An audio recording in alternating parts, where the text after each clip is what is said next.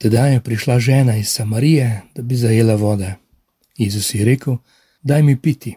Samarjanka mu je tedaj rekla: Kako vendar ti, ki si jud, prosiš mene, Samarjanko, naj ti dam piti? Če bi poznala božji dar in če bi vedela, kdo je, ki ti pravi: Daj mi piti, bi ga ti prosila in dal bi ti žive vode. Vsak, kdo pije od te vode, bo spet žen, kdo pa bo pil od vode, ki mu jo bom jaz dal, ne bo nikoli žen.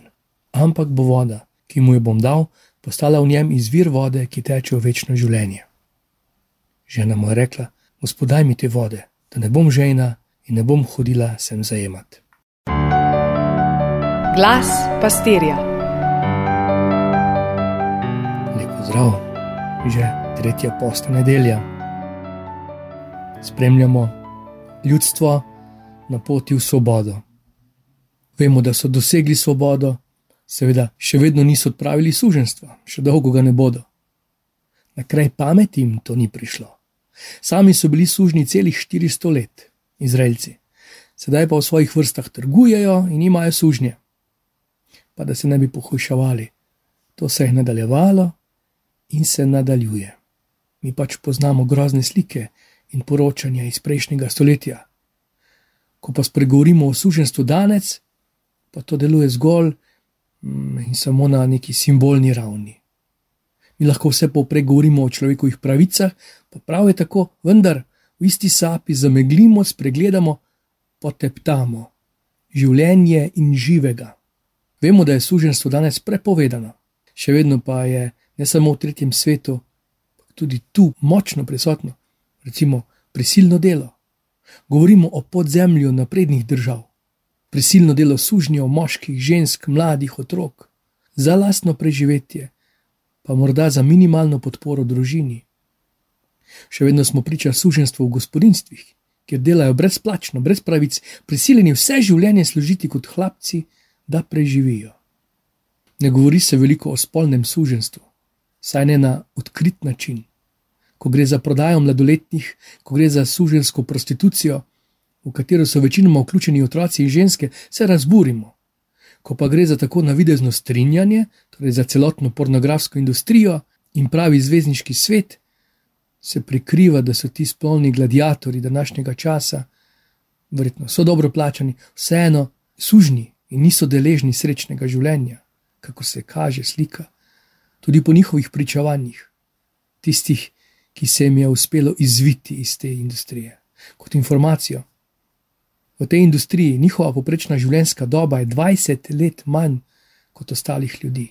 Nagnjenost k samomorilnosti, po nekaterih raziskavah, tudi do 14 krat večja.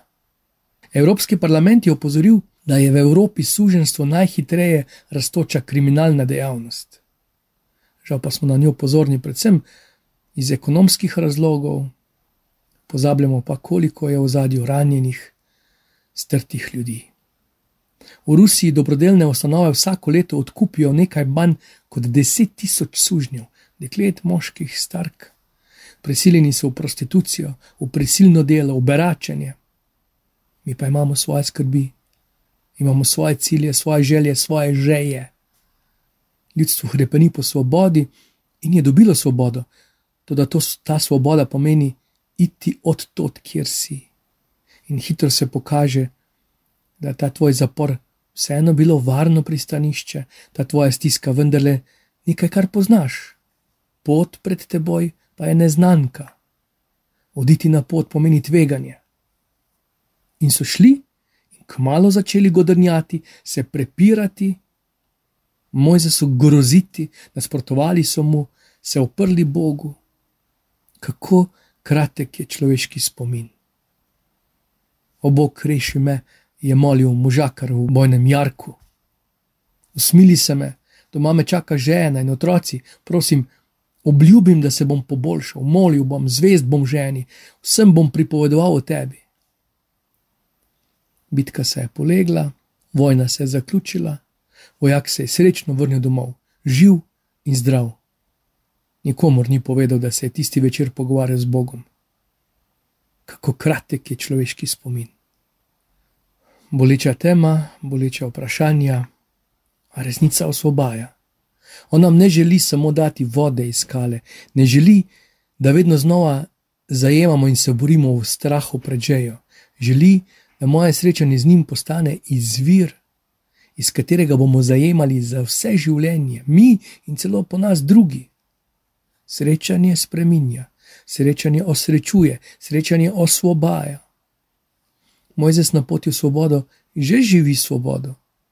Živel je kot iz vode rešen deček, živel kot mlad faraonov zaupnik, še več kot to, živel kot nomad potem v puščavi, kot poročen in ustaljen med čredami in družino, pa vendar nikoli za res svoboden.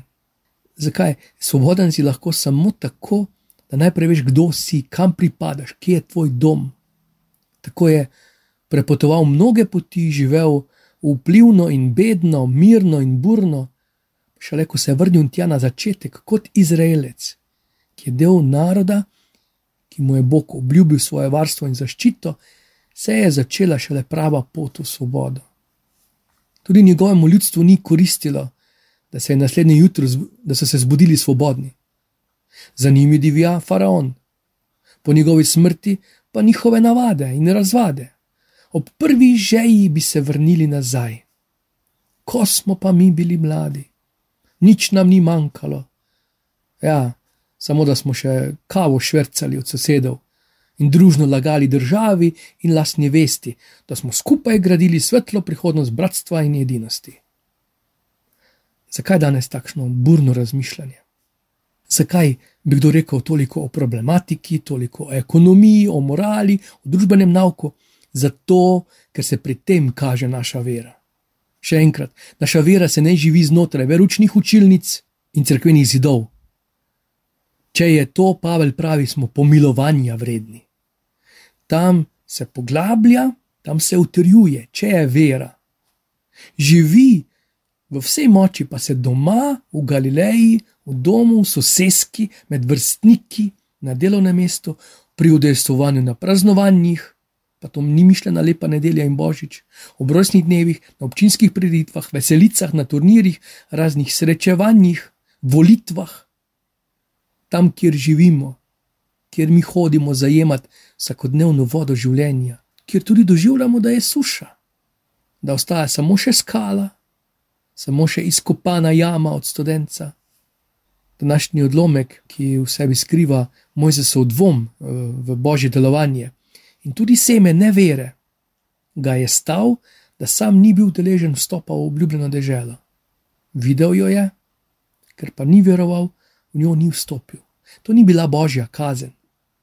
Njegova nevera je bila končno njegova odločitev.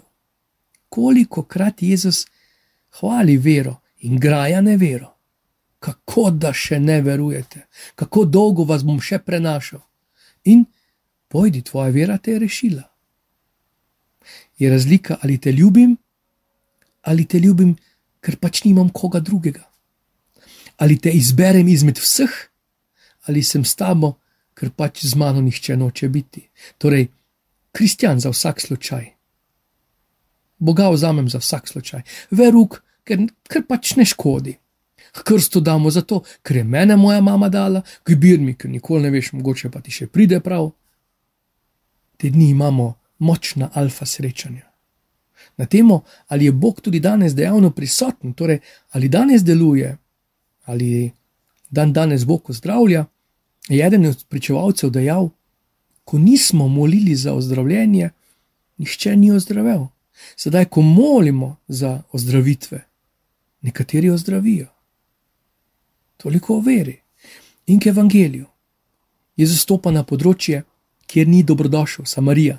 Prihaja tja, v deželo, ki je v sporu z ljudmi že skoraj eno tisočletje pred Kristusom, malo po smrti kralja Salamona.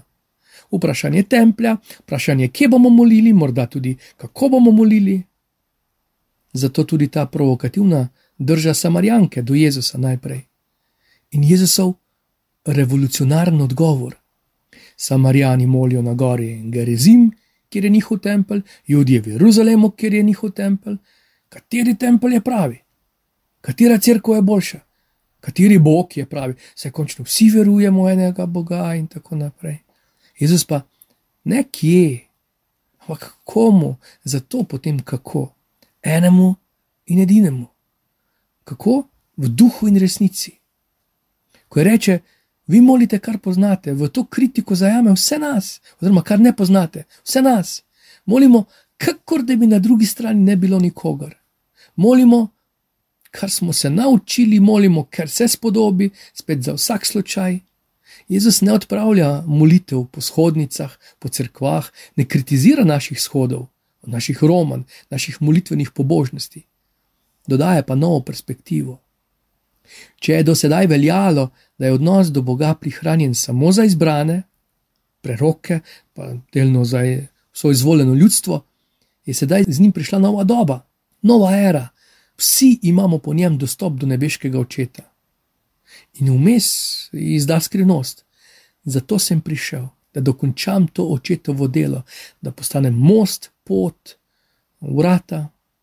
Vsak, kdo bo pil vodo, ki mu jo bom dal, bo imel življenje, večno življenje. Zato ta nova dimenzija molitve, ki ni samo trkanje na nebeška vrata, ni samo ponavljanje neke mantre, niti najmanj ni izvajanje nekih veščin in praks, eh, ki že skoraj mejijo na ali, ali pa tudi so spiritizem, okultizem, magija, vraževerje. Je oseben odnos. Moliti Boga v duhu in resnici je moliti srcem, dušo, z iskrenostjo, z, z močjo. Ni zgolj nekaj formalnega, nekaj rutinskega, ampak je predvsem želja srca, izraz našega spoštovanja, vero Boga. Ne čutim spoštovanja, nič hudega, tudi lahko te in že ne čutiš, pa veš, da moraš jesti in piti, ko si brez apetita. Tvoja vera je prehlajena, jej, moli.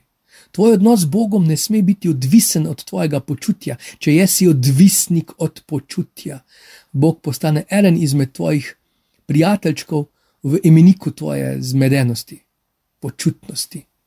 Kratko malo ga lahko utišaš, ali se mu ne oglasiš, mu zgolj kaj pošečkaš, in sedaj pokličeš, ko je težko in hudo, ker je tako dober poslušalec.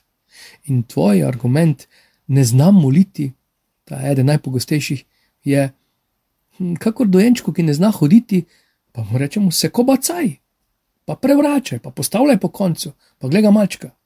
Ni potrebno dosti in že hodi in ne dosti do buške, pa še malo pa bo, pa že teče. Ne znaš moliti, začni moliti, iskreno, iz srca. In to, kar se ti v življenju dogaja, vnašaj v molitev.